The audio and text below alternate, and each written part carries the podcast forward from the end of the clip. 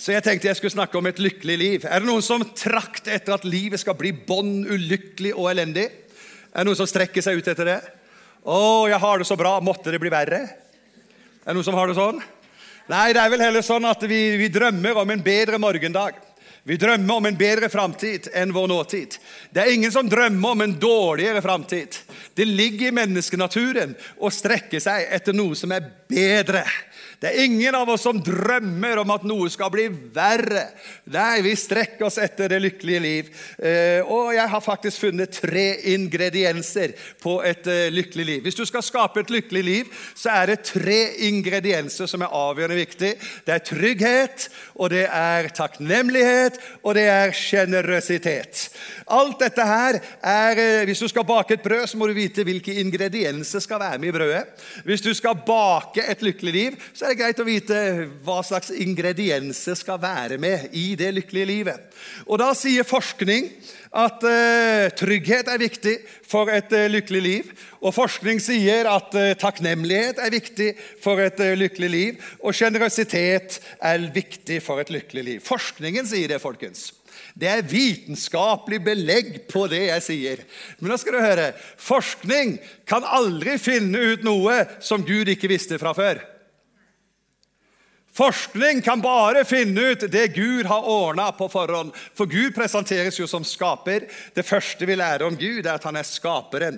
Så forskning det er med å bekrefte noe som Gud allerede vet. Og det er veldig bra. Derfor liker vi vitenskap. For vitenskap kan aldri motbevise det Gud har bestemt. Det er umulig. For da, da, da, da er det egentlig fake. Altså. Det, er, det er sånn kvasivitenskap. Eh, denne eh, måneden her så har vi et tema i menigheten på økonomi. Er det noen som har fått med seg det? Økonomi. og...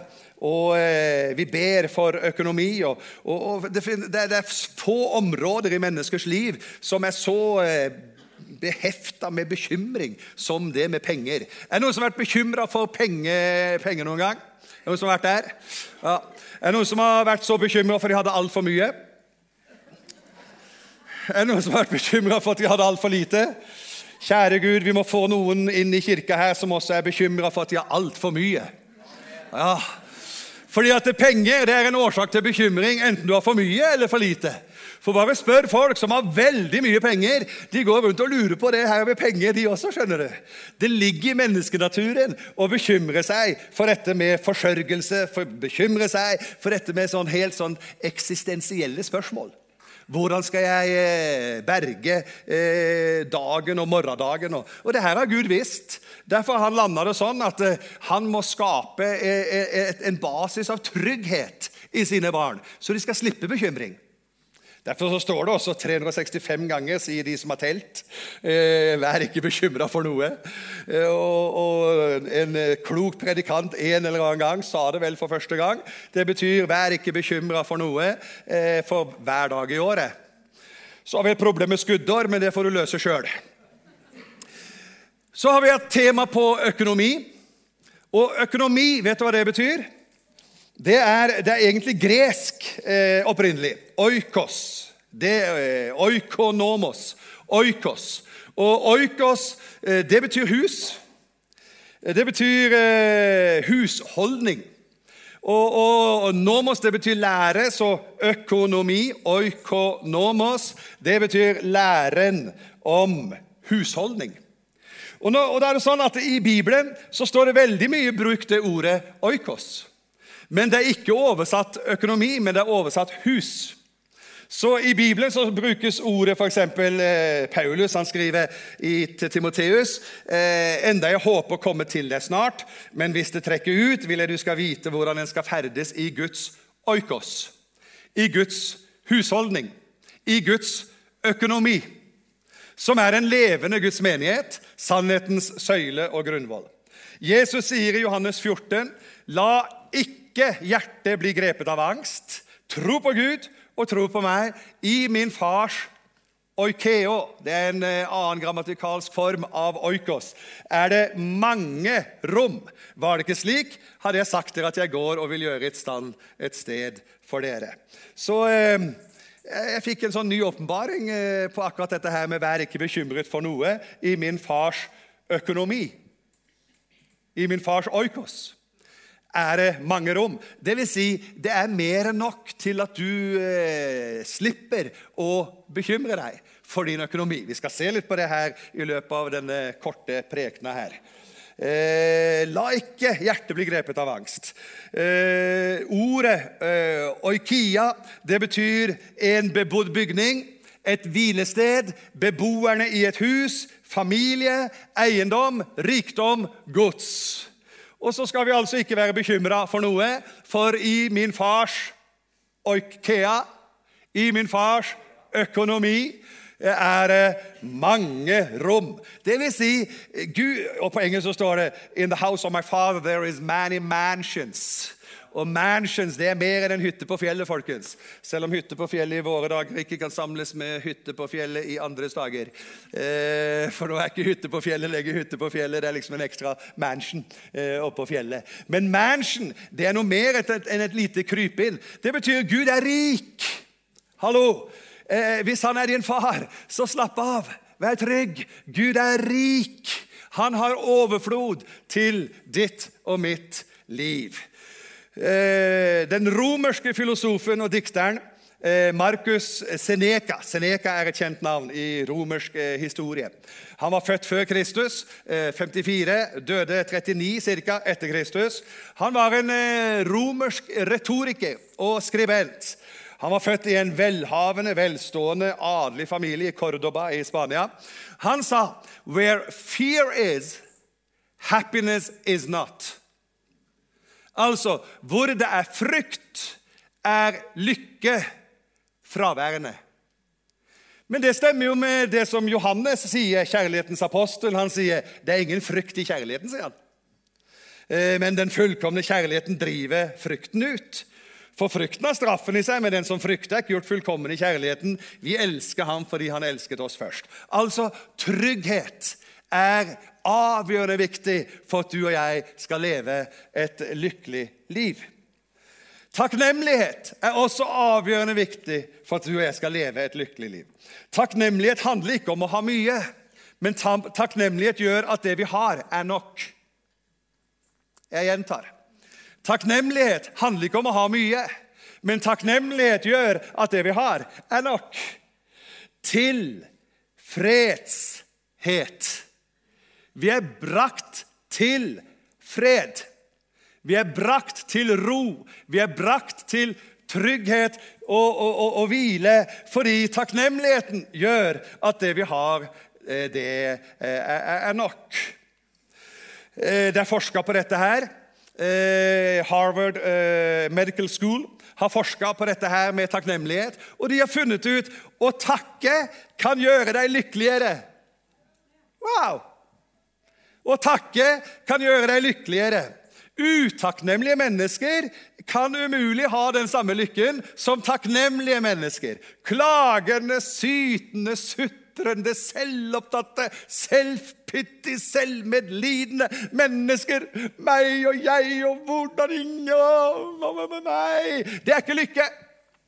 Lykke er å kjenne takknemlighet. Det gjør at det du har, er lykke nok. Takknemlighet gjør det vi har, til nok. Ordet takknemlighet, på engelsk 'gratitude', det stammer fra det latinske ordet 'gratia'. Og gratia, da skjønner vi på norsk gratis. Og gratia og grace nåde. Så eh, gratitude, takknemlighet, det handler om Hei, det bare skjedde. Jeg har ikke gjort noe for det. Det er nåde alt i hop. Liksom. Det er en annen som har ordna. Det koster veldig mye, men det var en annen som betalte. Så det er gratitude, takknemlighet. Så eh, eh, dette, omfatter, eh, o, dette ordet takknemlighet omfatter forskjellige eh, kontekster. Og eh, det er det, det, som vi får når vi opplever eh, noe som skjer i vårt liv, og noe som vi bygger livet vårt på. I positiv psykologiforskning så er takknemlighet sterkt og konsekvent assosiert med større lykke større lykke. Jakten på det gode liv. Et lykkelig liv. Eh, jeg syns eh, vi er på godt spor eh, i kirkelig sammenheng. Fordi at psykologien bekrefter det Gud alltid har visst. Kolossene 3,16 sier det, la Kristi ord få rikelig plass hos dere, så dere med visdom kan lære og rettlede hverandre med salmer, hymner og åndelige sanger. Og så står det syng og spill for Gud av et takknemlig hjerte. Ja, Det er liksom ikke Hm, Hva begynte han med det? Hvorfor sa han det sånn? Alle er ute etter meg. Ingen som ser på meg. Ingen som bryr seg om meg. Jeg har funnet ut det. Hvis ingen ser deg, se sjøl. For den som ser, blir sett. Nå ser jeg Natalie. Og da ser hun meg. Nå ser jeg ikke Natalie, og da ser hun ikke meg. For å se handler om øyekontakt. Så eh, takknemlighet det er en eh, ingrediens i lykke. Takknemlighet, sier forskerne, de hjelper mennesker til å føle mer positive følelser. Er ikke bra? Nei. Eh, takknemlighet hjelper mennesker til å hygge seg med gode opplevelser. Det hjelper faktisk til å forbedre helsen. Takknemlighet hjelper til å takle motgang. Vi sang om det i den nest siste sangen. Samme hvordan livet er. Takknemlighet. Og takknemlighet hjelper å bygge sterke relasjoner. Alt dette her er viktig for lykke.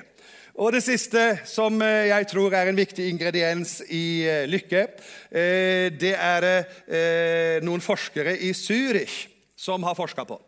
Og De sier at sjenerøsitet er viktig, for det gir glede og følelsesmessig velvære. De sier det.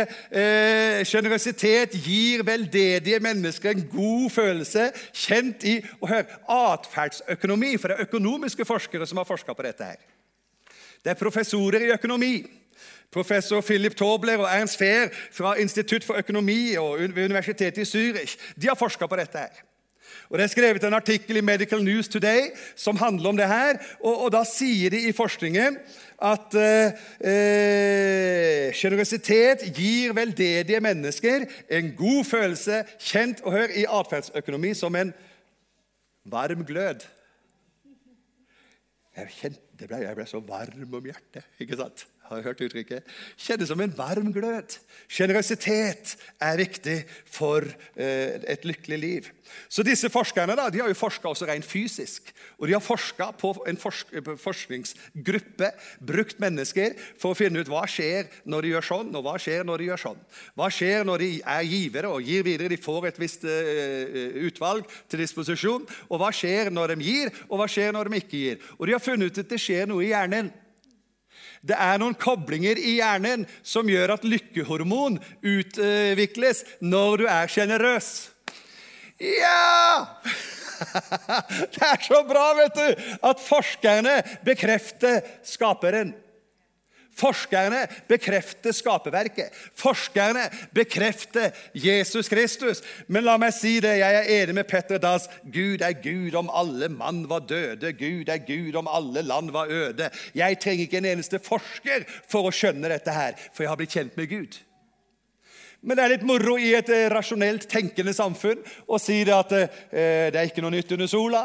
Det som forskerne har funnet ut nå etter nitidig forskning, det står skrevet i Bibelen for 2000 år siden. Det er fantastisk. Så eh, eh, Jesus han sa jo, eh, ifølge Paulus Ved å arbeide så har jeg på alle måter vist dere at dere må støtte de svake. Det er sjenerøsitet. ikke sant? Og husk Herren Jesu ord, det er Paulus som snakker, at han sa det er saligere å gi enn å få. Ja, det, det er, ordet salig det betyr lykke. Ordet salig det betyr høyeste nivå av lykke. Så det er saligere å gi enn å få. Dette var en innledning.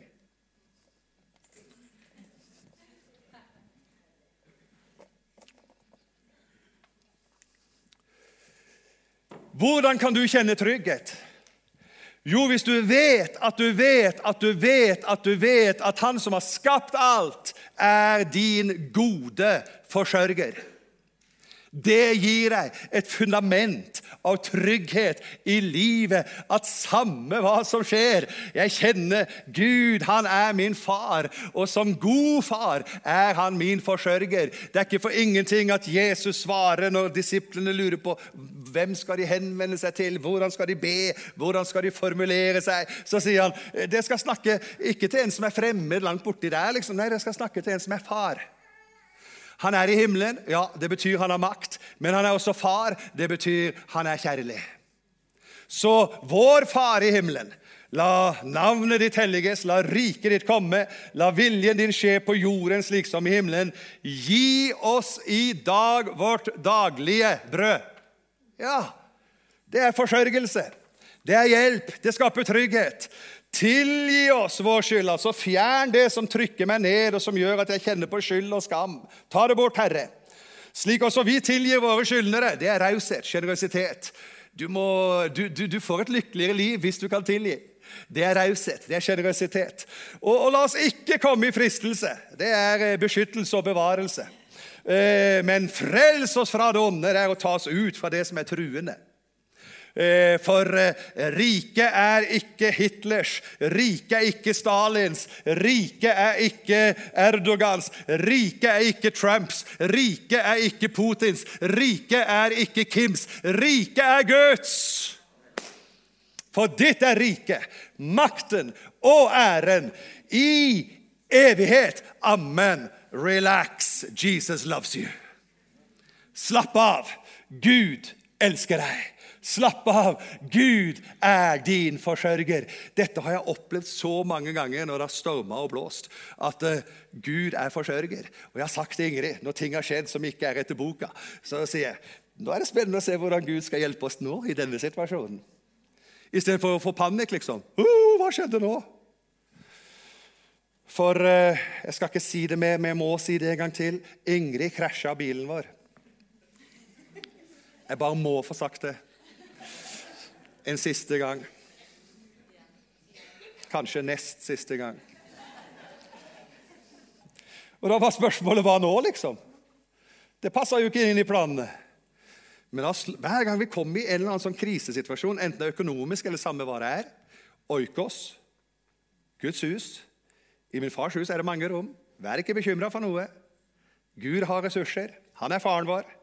Det var ikke sånn at hun ville krasje. Det, det tror jeg ikke. Jeg, jeg, tror ikke så dårlig om deg at du, du, ville det, liksom.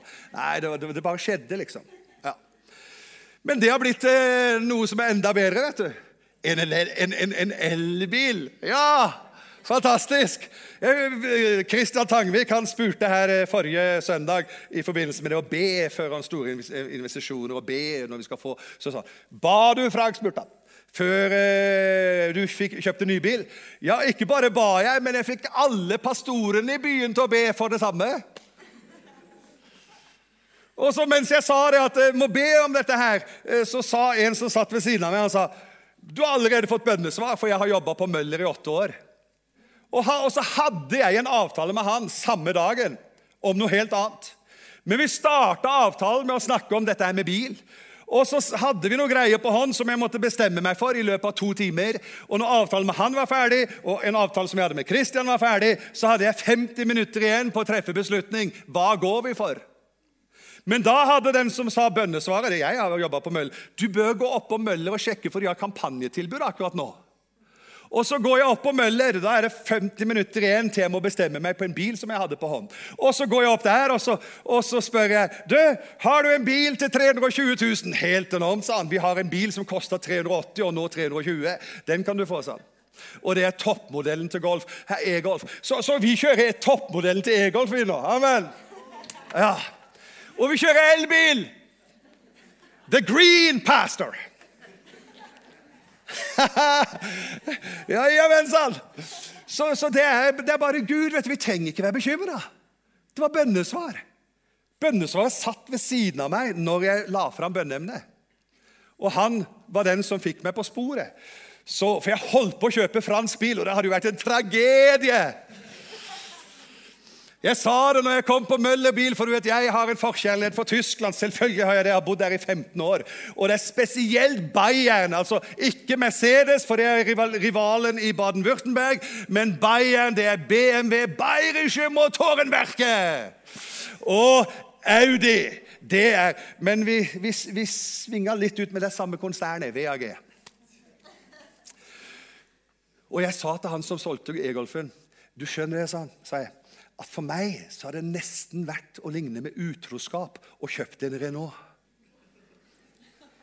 Og han forsto det så godt. Så ble det en tysk e-golf. Ok, Det var bare et eksempel på at vi kan slappe av når det skjer ting som er uforutsett, for Gud er vår far. Gud er vår forsørger. Dette er, ingen teori, det er ingen filosofi, det er ingen god tanke. Det er et praktisk liv. Gud er vår trygghet, så vi trenger frykte noen ting. Eh, tenk ikke på hvordan dere skal få noe å spise og drikke, og vær ikke engstelige, sier Jesus. Alt dette er jo de som ikke tror, altså hedningen i verden, opptatt av. Men dere har en far som vet at dere trenger dette. Ok, det er en fordel å være frelst, folkens. Det er en trygghet som ligger i dette, og det er med å hjelpe oss til et lykkelig liv.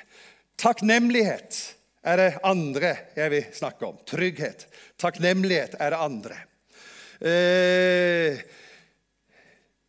Bibelen sier i Efeserbrevet ha Gud som forbilde, dere som er Hans elskede barn. Lev i kjærlighet, slik Kristus elsket oss og ga seg selv for oss som offergave, en velluktende duft for Gud. Ha Gud som forbilde. Altså, eh, takknemlig for hvem Gud er. Takknemlig for at Gud er med oss. Takknemlig for at Gud bryr seg. Takknemlig for at Gud er en giver. Takknemlig for at det, det å gi forutsetter at det er noen som tar imot. Og det normale når du tar imot, det er at du sier 'tusen takk'. Noe av det første vi lærer på fremmede språk, det er hvordan vi sier takk. Grazie mille. Thank you very much. Spatsiba takker så mycket. Og så når vi skal si hvordan vi sier det på tysk Thousand thank. På norsk. Når vi skal, når vi skal si folk på, i, som snakker engelsk, hva vi sier på norsk Thousand thank. Thousand thank sier vi på norsk. Tusen takk. Så takknemlighet er viktig. Gud er vårt forbilde. La samme sinnlag være i dere som også var i Kristus Jesus. Han som jeg skal ikke lese alt, han ga avkall på sitt eget. Han tok på seg tjenerskikkelse. Han fornedra seg sjøl. Dette utløser takknemlighet. Hvilken Jesus vi tjener hvilken Jesus vi eh, har med å gjøre. Vi ser opp til han og så lurer på har hodet forsvunnet fra han forbildet. Nei, men det står at hans tanker er ikke våre tanker, og hans veier er høyere enn våre veier. Så, så vi, vi skjønner ikke alt, men vi skjønner mer enn nok til at vi kan være trygge og takknemlige. La Kristi fred råde hjertet, for til det ble dere kalt, da dere ble én kropp. Og vær takknemlige. Amen. Vær takknemlige. Det hjelper deg til et eh, lykkelig liv. Vær ikke bekymret for noe, men legg alt dere har på hjertet, framfor Gud. Be og kall på ham med takk. Og Guds fred, som overgår all forstand, skal bevare deres hjerter og tanker i Kristus Jesus, vår Herre. Altså Ser du det er en sammenheng mellom trygghet og fred og ro og takknemlighet? Det henger i hop. Det er gratie, nåde. Jeg vet ikke om dere har fått med dere det at det er forskjellig farge på hvert bilde. for eh, jeg vet ikke hvor mye fargene kommer fram her.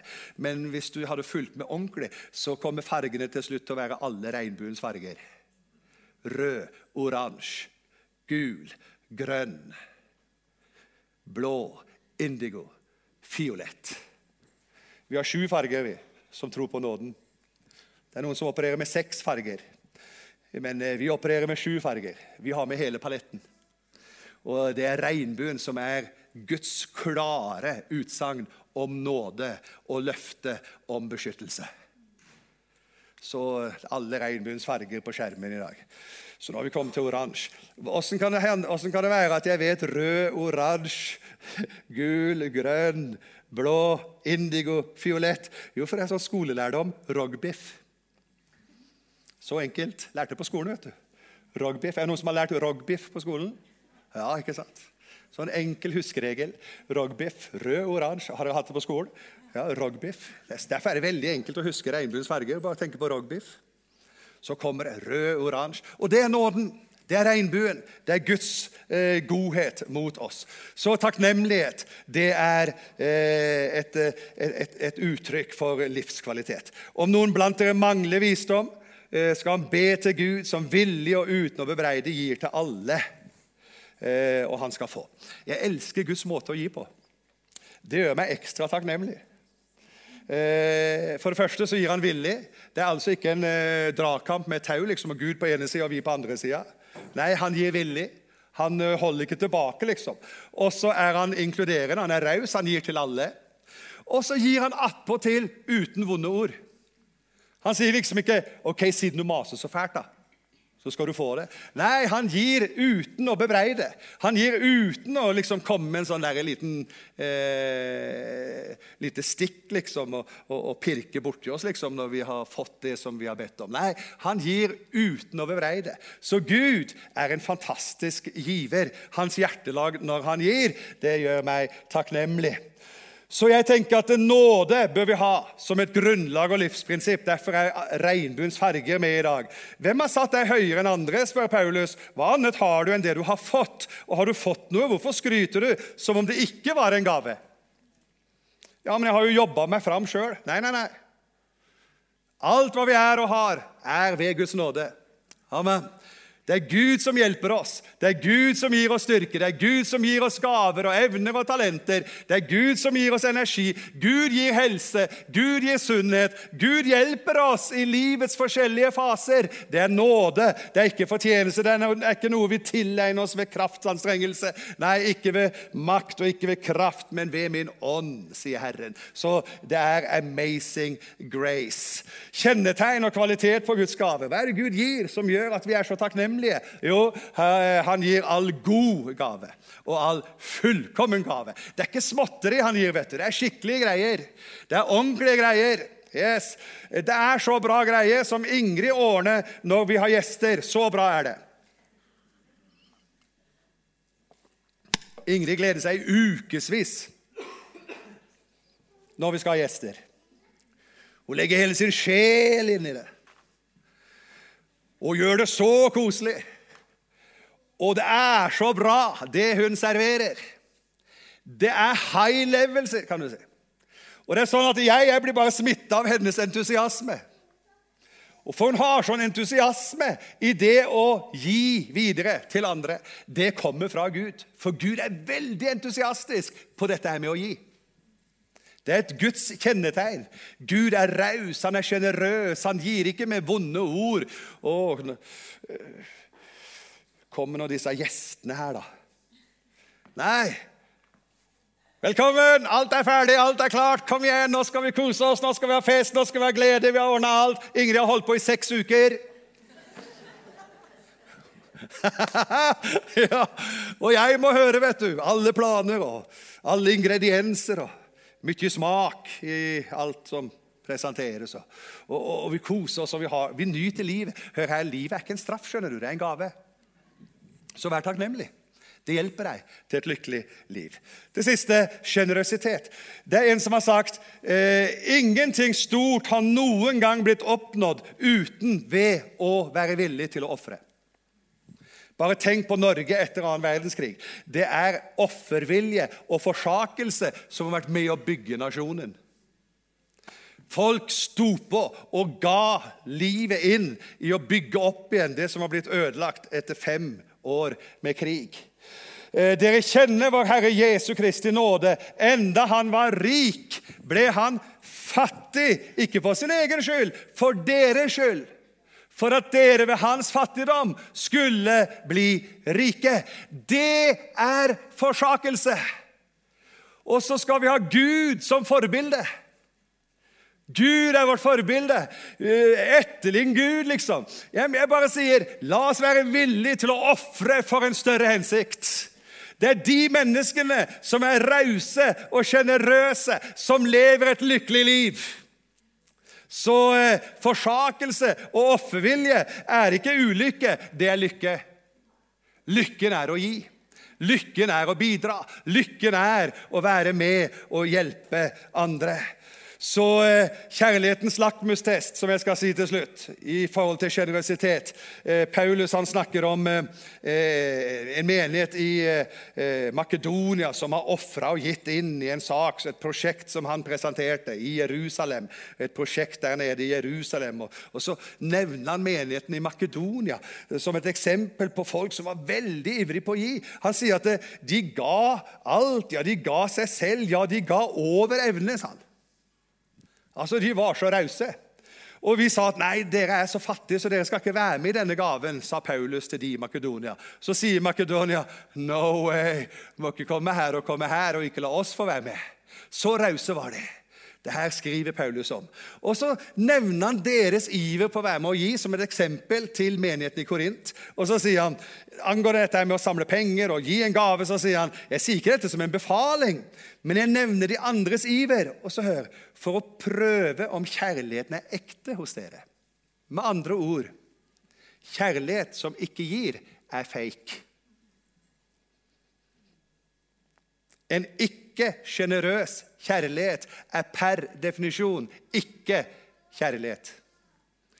Jeg sier ikke dette som en, som en, som en, eh, som at, en befaling, men eh, jeg vil bare finne ut er kjærligheten ekte hos dere. Og Hvordan skulle Paulus finne det ut? Jo, ved å se om de var med å gi.